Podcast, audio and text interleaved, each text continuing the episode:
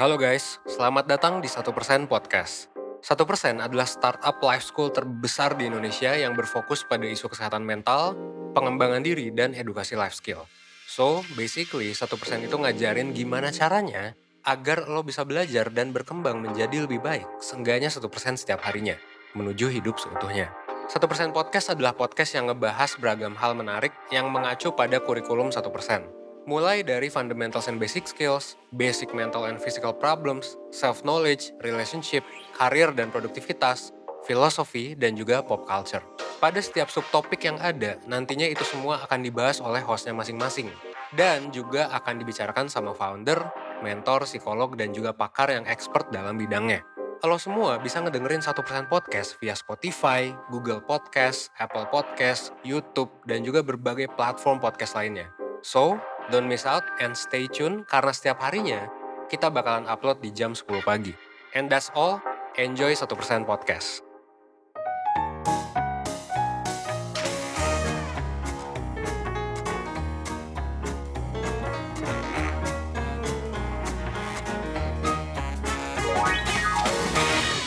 Halo perseners, bersama Yoga di sini. Mungkin perseners masih asing banget ya dengar suara gue kan?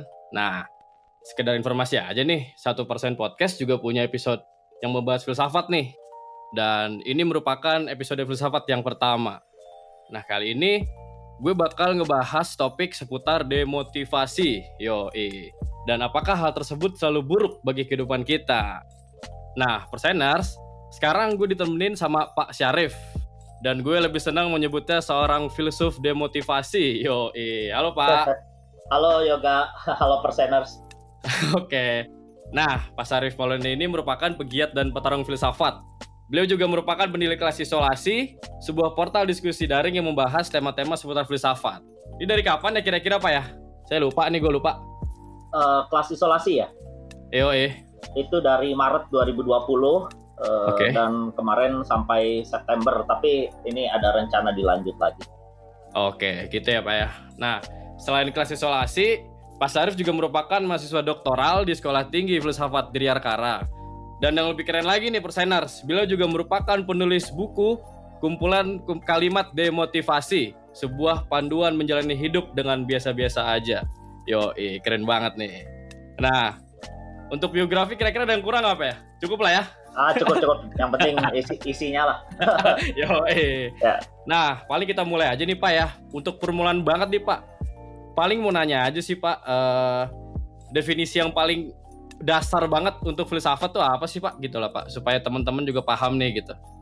Ya filsafat itu sebenarnya uh, kalau ini apa anggapannya itu kayak berpikir ribet uh, apa uh, terus mengada-ngada tapi sebenarnya yang di pikirkan filsafat itu kan apa yang jadi keseharian kita lalu ditanyakan lagi itu seperti pertanyaan-pertanyaan anak kecil sebenarnya kayak eh, apa itu bahagia apa itu eh, apa eh, hidup apa itu kematian itu semua dipertanyakan lagi. Lalu kita coba uh, jawab pakai uh, pikiran sendiri ya. Jadi uh, tidak langsung pada apa uh, referensi atau kata kata apa orang tua atau kata siapa. Tapi coba coba kita pikirkan sendiri gitu.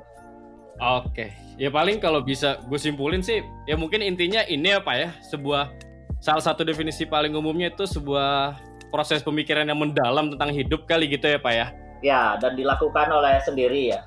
Ah, ah dan biasanya sih yang sering gue dengar sih itu untuk mencapai satu kebijaksanaan gitu ya pak, ya, mencinta kebijaksanaan gitu ya kan? uh, ya ya jadi karena kita itu apa uh, selalu meragukan pikiran-pikiran yang sudah kita percayai dari lama jadi uh, apa nanti kita bijaksana karena oh ternyata nggak ada yang 100% benar nggak ada yang 100% salah gitu Oke, cukup deh Pak ya untuk pengertian filsafatnya Pak ya. ya nah ya. sekarang gue mau lanjut ke soal demotivasi nih Pak. Kira-kira lu bisa ceritain dikit nggak Pak? Sebenarnya demotivasi ini apa sih gitu loh, biar perseners dan gue ada bayangan nih. Oke, kalau motivasi semua udah tahu ya, motivasi itu artinya dorongan uh, terhadap uh, sesuatu atau latar belakang yang mendasari kita melakukan sesuatu. Nah, demotivasi itu uh, sebaliknya ya. Jadi D itu ya apa berarti pengurangan atau peniadaan gitu. Nah, tapi bukan berarti hidup kita tidak boleh ada dorongan atau tujuan. Tapi yang dimaksud demotivasi ini sebenarnya lebih ke arah uh, bagaimana kita memahami secara terbalik motivasi-motivasi yang kita terima dalam uh, kehidupan kita sekarang. Ya, jadi misalnya kalau kita disuruh untuk uh, bercita-citalah ke depan, yang jauh ke depan itu motivasi. Nah, kalau demotivasi mungkin sebaliknya. Kenapa kita harus bercita-cita jauh ke depan? Kenapa nggak uh, bercita-cita untuk hari ini? Kenapa nggak bercita-cita untuk punya masa lalu yang baik? Misalnya begitu ya. Uh, kenapa nggak nggak ke masa lalu aja kan? Kalau orang udah tua begitu ya, uh, mereka sering kali cerita masa lalunya. Berarti hidup itu nggak selalu untuk masa depan, tapi untuk masa lalu juga bisa. Jadi kita bolak-balik ini karena kemungkinannya harusnya segala sesuatu dibolak-balik itu punya nilai ya. Jadi bukan berarti kalau A benar berarti bukan A pasti salah. Iya, Dua-duanya punya nilai begitu. Oke. Ya pada intinya sering kali kadang motivasi itu justru berujung pada ini ya Pak ya hal-hal yang ilusif gitu ya, buah-buah ilusif dah. Mungkin demotivasi ini juga merupakan sebuah lawannya kali Pak ya, antitesisnya gitu ya. Ya, jadi uh, kalau apa sesuatu itu uh, apa rasanya manis ya yang pahit itu bukan berarti jelek ya tapi kita okay, harus Uh, punya uh, kemampuan menilai dua-duanya jadi kalau motivasi itu kan begini kadang uh, orang kalau dimotivasi itu dia menjadi semangat tapi uh, belum tentu semangat itu berujung pada uh, keberhasilan ya. Karena sangat banyak uh, apa variabel orang menuju keberhasilan itu sangat banyak. Uh, dan belum tentu karena uh, pola pikir belum tentu. Uh, kan motivasi itu mengajak pola pikir untuk uh, optimis pasti bisa sebenarnya belum tentu orang itu dengan uh, apa optimisme atau pola pikir itu uh, bisa mencapai kesuksesan banyak sekali variabelnya termasuk uh, latar belakang keluarga termasuk privilege yang dia miliki nah demotivasi itu uh, menempatkan lagi bahwa sebenarnya nggak perlu orang itu uh, sukses dalam uh, definisi-definisi yang uh, dikeluarkan umum banget ya, yang banyak. umum hmm. betul misalnya uh, kaya raya misalnya sekolah tinggi itu itu definisi yang dibuat oleh masyarakat pada umumnya. Oke. okay. kenyataannya orang nggak bisa untuk mencapai semua itu. Kenapa nggak menerima keadaan dan memaknai hidup berdasarkan uh, apa yang kita punya aja begitu loh. Gitu ya oke. Okay. Tapi untuk uh, sampai ke yang lebih lanjut, sebenarnya gue kepo dulu nih Pak, ke tentang proses kreatif lu gimana sih buat buat nulis dari buku itu tuh yang kumpulan kalimat demotivasi itu proses kreatifnya gimana tuh? Apakah banyak perenungan kah atau banyak bengong kah atau bagaimana?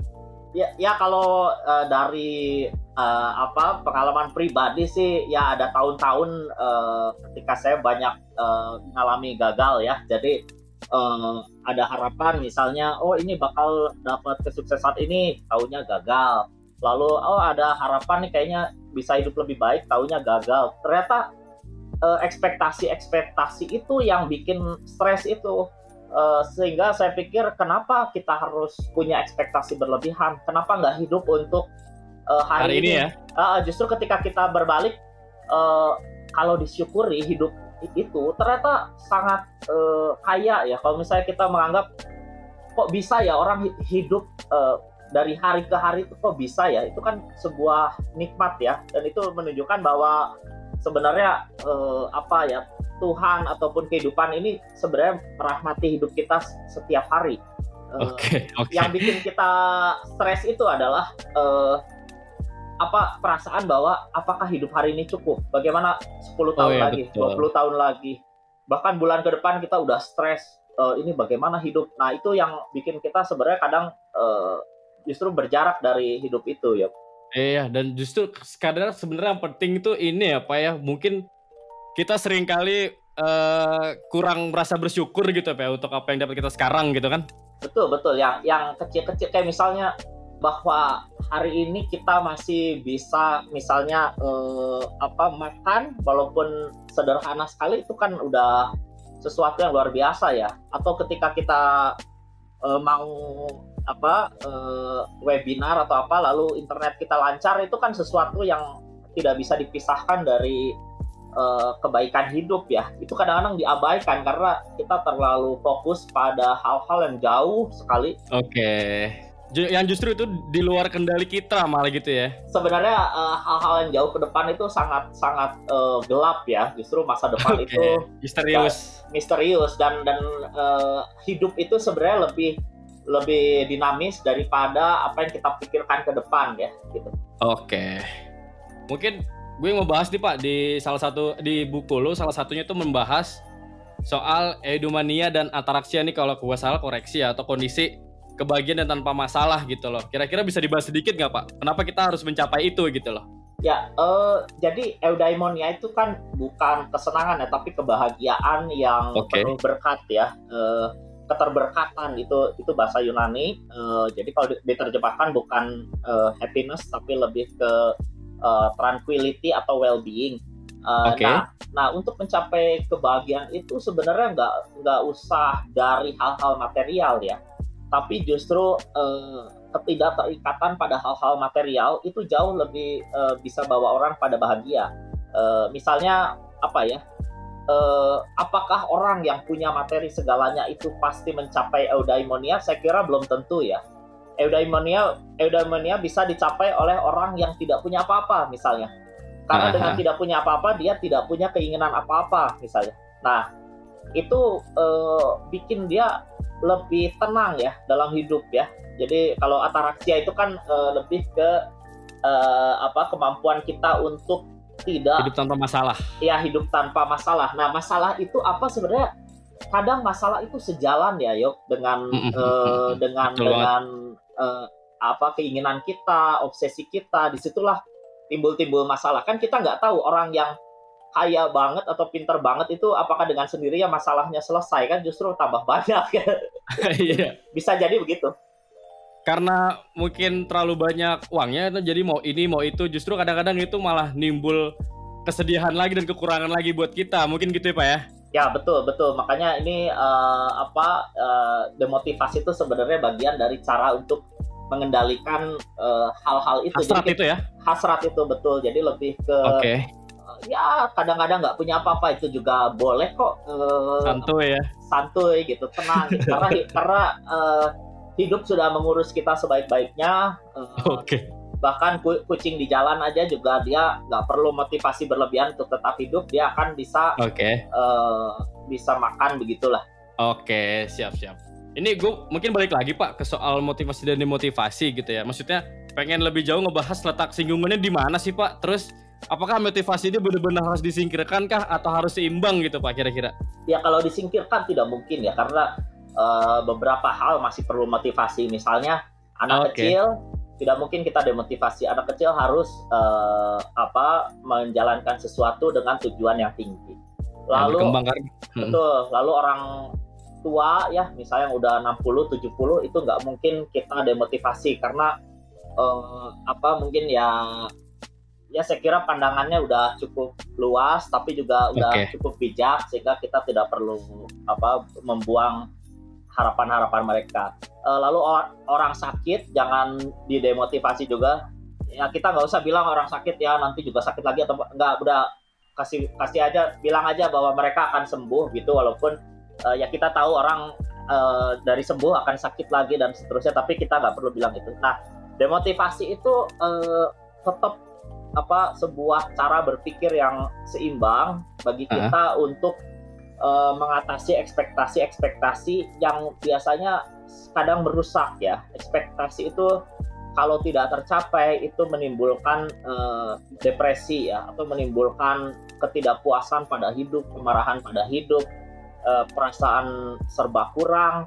Nah, uh, jadi demotivasi ini harus dipahami sebagai cara kita untuk menyeimbangkan sudut pandang gitu. Jadi bahwa tidak punya uang itu tidak apa-apa, uh, gagal itu tidak apa-apa, bahkan hmm. berhasil itu belum tentu sebuah hal yang menyenangkan karena setiap keberhasilan menunggu kita uh, beban yang lain gitu. Jadi orang harus di, di, di, diimbangi gitu cara pandangnya gitu. Paling yang poin tadi pak yang soal anak-anak nggak boleh di, di, di, demotivasi, mungkin itu ngaruh ke perkembangan psikologis ya, bener ya pak? Dijelaskan juga kan ya? Ya, saya kira uh, tidak ada poin dengan mendemotivasi anak-anak bahwa wah nanti uh, cita-cita jangan terlalu tinggi nanti juga kalian bakal kacau atau apa gak ada poin karena yang okay. yang jadi poin itu adalah orang-orang uh, di masa dewasa yang kemudian uh, justru kehilangan uh, apa ya kehilangan kesenangan anak-anaknya itu kesenangan masa kecilnya untuk uh, hidup dengan bermain dan santai itu yang yang yang harus kita demotivasi karena motivasi kadang menimbulkan cara bersikap yang terlalu serius ya bahwa hidup itu harus diatasi dengan uh, sampai 20 tahun ke depan itu itu saya kira yang harus di apa di otak-atik ya sudut pandang seperti Oke. Oke, mantap, Pak. Paling sedikit nih Pak bahas soal motivator ya boleh ya? Ya, boleh. Ini kan uh, sebenarnya ngebahas soal kritik motivasi ya, kritik motivator terutama gitu loh. Jadi pertanyaan saya tuh, uh, apakah bener-bener buah-buah motivasi itu justru lebih banyak menimbulkan kehilangan dan ilusif pak gitu loh. Dan mungkin ini kayaknya rada berbau stoik ya pak ya soal bagaimana ekspektasi justru sering kali membunuh kebahagiaan dan harapan kita gitu loh. Gimana pak? Ya, uh, kalau motivator itu saya kira ini udah coba saya selidiki ya. Memang motivator itu baik ya. Tapi pertama eh, motivator suka punya kepentingan ya, kepentingan pada uh, company atau organisasi tertentu yang uh, mendorong produktivitas kerja. Uh, hmm. Ya itu boleh lah karena itu apa bagian dari uh, strategi perusahaan biar uh, karyawan tidak uh, tidak lesu gitu ya. Oke. Okay. Uh, nah Uh, cuman motivator itu permasalahannya ada pada bagaimana mereka menganggap bahwa pola pikir uh, ya baik lagi ke yang awal sebagai satu-satunya obat ya. Mm-hmm. Jadi uh, mereka bilang bahwa hidup harus uh, semangat. Uh, kalau kita yakin bisa pasti bisa. Kalau kita yakin uh, apa bakal kaya pasti kaya. Nah itu yang menurut saya bikin orang itu kemudian bersaing secara tidak sehat kadang-kadang uh, betul. ketika orang mulai uh, menginginkan kekayaan uh, apa berambisi untuk kekayaan itulah awal mula orang kemudian uh, punya sifat uh, serakah itu ya dan dia melupakan okay. melupakan uh, apa ya sekitarnya melupa, lah ya gitu ya. melupakan sekitarnya betul jadi uh, dia menganggap seluruh kehidupan ini persaingan dan dia harus berada di puncak uh, dari uh, piramida dan dan menurut saya itulah uh, awalnya dan motivator sedikit banyak memberi semangat ke arah sana uh, untuk berkompetisi secara bebas dan kadang-kadang uh, bolehlah me, me, menyerang orang lain, menindas orang lain gitu. Padahal saya kira orang harus diberikan keleluasaan untuk memaknai uh, kesuksesan dalam uh, versinya sendiri begitu ya. Paling yang gue highlight ini sih pak ya, terkadang tuh buah-buah buah-buah motivasi tuh sering banget menempatkan apa ya, menempatkan uh, harapan dalam posisi yang paling tinggi gitu loh. Tapi kadang tuh hidup tuh banyak gocekannya gitu pak. Jadi kadang-kadang kalau misalkan jatuh kita justru malah sakit hati gitu. Bener nggak pak? Uh, iya iya iya. Jadi uh, apa seolah-olah bahwa hidup itu terlalu rasional ya bahwa kalau okay, kita okay. kalau kita misalnya punya gaji segini uh, 20 tahun lagi kita bisa punya apa apa apa uh, saya kira hidup punya caranya sendiri untuk uh, menempa kita ya saya kira uh, apa kehidupan ini punya banyak hal yang bisa kita gali daripada dengan rasio kita ya jadi okay, uh, okay. ada orang yang kemudian apa ya uh, dia merasa bahwa kerja di sini itu bukan sesuai uh, gairahnya, uh, sesuai keinginannya. Nah, itu uh, itu jangan sampai perasaan seperti itu uh, bertentangan dengan uh, rasio. Jadi kayak okay. oh nanti kalau kamu uh, mengikuti kata hati nanti mau makan apa? Nah, itu kan biasanya uh, seolah-olah okay. dunia diciptakan uh, seperti itu ya. Padahal ya okay. orang boleh uh, punya sesuatu yang diinginkannya, disukainya tanpa harus ketakutan oleh hal-hal yang uh, berlebihan gitu. Oke. Sekarang gue lanjut nih Pak, mau bahas kalimat-kalimat yang rada provokatif dari demotivasi ya Pak. Boleh ya Pak? Ya silakan ya. Nih yang pertama yang paling provokatif nih. Nomor dua, hiduplah tanpa arah dan tujuan agak tidak tersesat. Nah, gimana tuh Pak? Ya ini uh, psikologi terbalik ya bahwa uh, kita harus menentukan tujuan hidup, kita harus menentukan arah hidup. Tapi ketika kita menentukan tujuan dan arah itu sebenarnya itulah awal mula kita menentukan mana yang uh, sesat dan mana yang tidak. Uh, uh, padahal kadang-kadang hidup itu bisa seperti air ya mengalir, mengikuti uh, ke mana kita dibawa dan uh, hidup itu punya keajaiban untuk membawa kita pada hal-hal yang tidak kita antisipasi sebelumnya. Betul, Misal, betul. Uh, misalnya uh, misalnya uh, kuliah apa harusnya kerja apa. Itu linear kan? Uh, jadi kayak oh seperti sudah dirancang begitu. Tapi kalau kita itu uh, apa ya lebih santuy, kadang hidup itu mengarahkan kita pada situasi tidak terduga ya. Tiba-tiba okay. kita uh, di tengah jalan dapat panggilan religius, lalu kita jadi ustadz, kiai okay. atau uh, penceramah tiba-tiba dan uh-uh. kita tidak perlu apa kayak wah gagal nih berarti saya karena tidak okay. mengikuti apa uh, apa lulusan itu apa jalur lulusan itu. Nah, jadi hmm. saya kira hidup harus di lebih mengalir ya. Jadi tidak perlu yeah. kita tentukan arah dan tujuannya secara jelas karena itu kadang bertentangan dengan apa yang Tuhan atau kehidupan ini betul, sudah lancar buat kita gitu. Uh, ya, terkadang justru kita sudah bikin persiapan sebaik mungkin terhadap tujuan kita, ternyata hidup tuh nggak semudah, nggak sesimpel tujuan yang udah kita rancang gitu, Pak ya. Ya, ya, ya, kadang-kadang uh, jauh ya, sekali gitu, berbeda, ya. Uh, ya. Betul. Oke. Nih, selanjutnya lebih provokatif lagi. Nomor tujuh, kita sekolah agar terlihat normal. Wah, gimana ini? ya karena karena image sekolah itu kan uh, selalu dalam uh, koridor uh, apa untuk kita bisa jadi orang yang lebih baik, lebih hebat, uh, lebih nanti ke depannya punya akses ya. Tapi kalau mau dilihat-lihat ya sekolah itu kan sebenarnya biar kita nggak dianggap uh, orang aneh aja jadi kita sekolah. Karena kalau orang nggak sekolah kemudian dianggap uh, ih dia nggak sekolah padahal misalnya dia pinter dia punya kecerdasan dia punya satu hal yang tidak dipunyai oleh orang kebanyakan uh, okay. tapi kemudian kalau tidak sekolah seolah-olah oh ini tidak normal ini ya, ya normal oke okay. normal yeah. jadi jadi kita harus uh, lebih terbuka ya memandang keragaman orang dengan segala potensinya gitu ya ya paling kalau saya analisis gini pak ya mungkin banyak banget sekolah yang mungkin mengacunya ke arah industri, industri banget justru itu melupakan hal yang paling esensial dari sekolah itu sendiri yaitu mendidik supaya dia menjadi menjadi, menjadi manusia gitu pak ya? Betul betul. Jadi uh, gitu sekolah, kan? sekolah ya sekolah harusnya jadi tempat orang uh, uh, apa menemukan dirinya membentuk siapa dia memandang uh, kehidupan secara lebih luas ya. Uh, bukan bukan untuk dipersiapkan langsung menjadi uh, apa orang yang siap kerja. Nggak selalu seperti itu. Oke. Nah selanjutnya nih gue ngebahas fenomena yang lebih milenial nih ya. Banyak banget pak umur-umur gue yang punya target umur 25 harus nikah, harus punya mobil, harus jadi orang gitu ya. Di samping itu apa kehidupan modern tuh semakin cepat gitu pak ya. E, banyak hal terjadi sehari-hari gitu lah. Bahkan dalam e, kejadian itu sering kali menyerang kesehatan mental kita pak. Bahkan banyak banget apa ya banyak banget fenomena-fenomena soal bunuh diri gitu ya. Mungkin gue mengutip dari buku Bapak yang Bob Emil Coran dia berbicara seperti ini. Hanya orang-orang optimis yang bunuh diri. Mereka adalah orang-orang yang gagal dengan optimismenya. Kita orang-orang pesimis bahkan tidak tahu atas alasan apa kita hidup, apalagi alasan untuk mati. Yo, kira-kira bisa dibahas nggak Pak? Ya, ya, ya, uh, ya itu uh, definisi kesuksesan yang uh, harus usia berapa, punya apa, harus menikah dan sebagainya itulah yang sebenarnya bikin kita uh, kurang berhasil dalam memahami apa yang jadi tujuan hidup kita sebenarnya.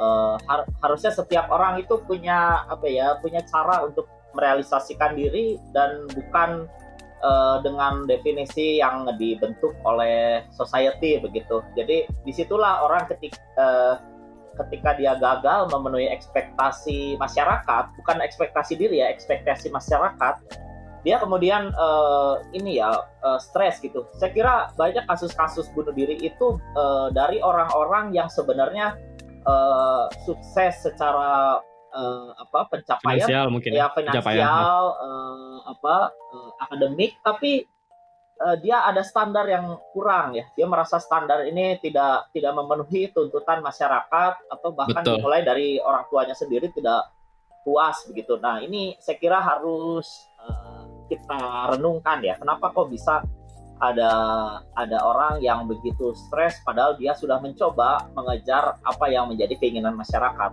ya jangan-jangan keinginan masyarakat bertentangan bertentangan dengan keinginan dirinya sendiri Oke. Intinya santuy lah Pak gitu ya intinya ya.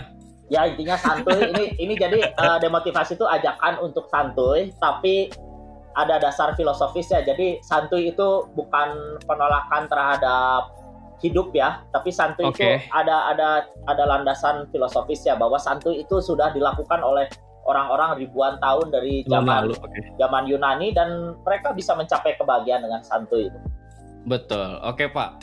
Nih gue lanjut ya. Apakah demotivasi itu kan selalu dianggap negatif dalam kehidupan nih Pak ya? Gue balikin lagi nih. Terus gimana sih sebenarnya demotivasi itu bisa jadi solusi akan kekecewaan hidup gitu Pak? Eh, ya ya ya memang- Solusinya. Ya solusi solusinya eh eh, gini eh, mungkin lewat eh, pemikiran demotivasi ini kita diajak untuk eh, apa selalu bisa memperhatikan alternatif dalam hidup. Eh, jadi hidup itu menurut saya bukan berarti kalau A baik bukan A jelek Eh, A baik bukan A sama dengan baik juga bisa Oke. gitu. Jadi Ah. mengubah eh, perspektif dalam hidup dan itu benar-benar tidak apa-apa gitu. Eh, jadi kalau misalnya eh, kehidupan dianggap baik, eh, bukan berarti kematian itu buruk gitu. Itu itu contoh ekstrimnya ya. Eh, bahkan eh, saya berpikir bahwa eh, kalau kematian itu sesuatu yang buruk, coba bayangkan kalau hidup itu tanpa kematian, bukannya lebih buruk lagi gitu ya? kalau semua orang hidup terus atau Iya betul betul betul. dalam waktu yang panjang atau tidak terbatas, jangan-jangan yang bisa membunuh manusia pada akhirnya cuma sesama manusia itu kan malah lebih buruk kan? Oke. Eh, ya jadi eh, kita harus apa ya ubah cara pandang dan lihat bahwa agama itu sebenarnya mengajarkan eh, ada unsur demotivasinya lebih besar ya bahwa kita eh, bersyukur itu kan artinya apa ya menerima keadaan yang sebaliknya gitu jadi eh, kalau kita bahagia eh, tidak bahagia pun harus bersyukur Eh, dan dengan cara itu kita dapat eh, bahagia gitu ya jadi ini coba eh, kita belajar bolak balikin pikiran lewat demotivasi gitu Oke betul. Ini gue dengar filsuf demotivasi kayak dengar motivator Pak ya? Uh, pengakuan dari orang yang baca demotivasi sih mereka tambah semangat ya. Oke Pak, ini yang terakhir nih. Ada nggak yang mau Bapak sampaikan untuk perseners gitu? Barangkali renungan lah. Uh, Oke, Uh, begini perseners, uh, untuk motivasi saya kira tidak perlu dihilangkan ya. Motivasi perlu dalam hidup. Uh, apa untuk mencapai sesuatu kita perlu motivasi. Bahkan untuk saya menulis buku demotivasi harus butuh motivasi juga. Uh, tapi perhatikan bahwa hidup itu tidak selalu harus uh, dengan satu kacamata ya. Ada kalanya kita punya kacamata yang lain dalam memandang hidup. Misalnya orang yang tidak punya pencapaian tinggi jangan dianggap rendah. Uh, orang yang uh, punya kekayaan berlimpah jangan langsung uh, dipandang hebat atau apa. Coba lihat dari perspektif yang lebih luas tentang hidup bahwa bisa aja orang yang kaya itu tidak bahagia, bisa aja ya orang yang tidak punya apa-apa itu jauh lebih bahagia. Kita uh, kita uh, tidak sedang membuat demotivasi jadi prinsip utama dalam hidup, tapi kita harus punya demotivasi dan motivasi sekaligus dalam perspektif kita begitu ya. Oke, keren banget nih Pak ya. Nah, oke perseners, uh, obrolan gue sama Pak Sarif tadi tentunya ngasih banyak banget ilmu-ilmu baru nih dan yang pasti bikin kalian kepo untuk belajar lebih dalam mengenai demotivasi. Barangkali Pak Sarif bisa kasih bantuan nggak untuk mengaksesnya Pak? Uh, ya demotivasi uh, ada akun Instagramnya begitu ya. Uh, di kumpulan kalimat demotivasi. Lalu saya juga tulis buku uh, kumpulan kalimat demotivasi itu ada di beberapa toko buku online maupun offline uh, dan saya sedang mempersiapkan uh, buku berikutnya berjudul uh, Sob Kikil ya. Sob Kikil itu uh, peles pelesetannya uh, buku motivasi ya sop ayam ya ini sop kikil. Okay. Uh, okay. Apa karena uh, eh mungkin bocoran isinya adalah kisah-kisah uh, sukses ya misalnya orang kaya orang pinter tapi ternyata ada ketidakbahagiaan dalam diri mereka gitu. Oke. ya. Pokoknya kalau untuk mengakses demotivasi bisa klik di Google aja lah Pak ya. Ya silakan kayaknya udah ada beberapa orang mulai membahas ya. Oke. Oke perseners. Di akhir obrolan ini gue bakal nyimpulin beberapa hal nih. Jadi gini, meskipun banyak yang bilang kalau hidup ini bukan soal persaingan, kita justru harus menyadari bahwa terkadang hasrat dan ambisi sering kali menyebab kita untuk terjun pada pertempuran yang kali absurd, melelahkan, bahkan sampai menyakiti diri kita sendiri. Nah, belum lagi soal ekspektasi nih yang sering kali terbentuk dari buah-buah motivasi yang sangat berlebihan, yang amat melonjak dan terkesan ilusif, yang justru sering banget membunuh kebahagiaan kita sendiri.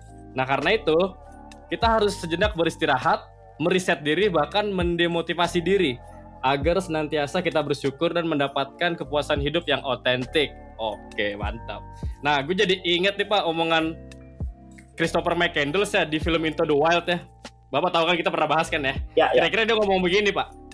Jadilah orang yang selalu merasa cukup, sebab dengan hal itu kamu tidak akan merasa kekurangan apa-apa. Yo, yo. yang terakhir nih, gue ngutip salah satu kalimat di buku demotivasi yang menurut gue kena banget nih yang bisa jadi perenungan kita. Kalimatnya gini, bekerja keras membuat kita tidak sempat memikirkan kematian. Maka dari itu, perbanyaklah waktu luang karena tidak ada pikiran besar yang lahir dari kesibukan. Wede kacau. ya ya ya gitulah. Banyak-banyak santu ya. Oke. Oke perseners, uh, jangan lupa untuk mengakses podcast ini di Spotify satu persen ya. Dan podcast-podcast lain juga tersedia di Apple Podcast, Google Podcast, dan Spotify. Oke, terima kasih ya Pak Sarif atas perundungannya. Dan buat perseners, nantikan satu persen podcast episode filsafat selanjutnya ya dengan yoga di sini. Salam. Thank you, Pak. Salam. Terima kasih.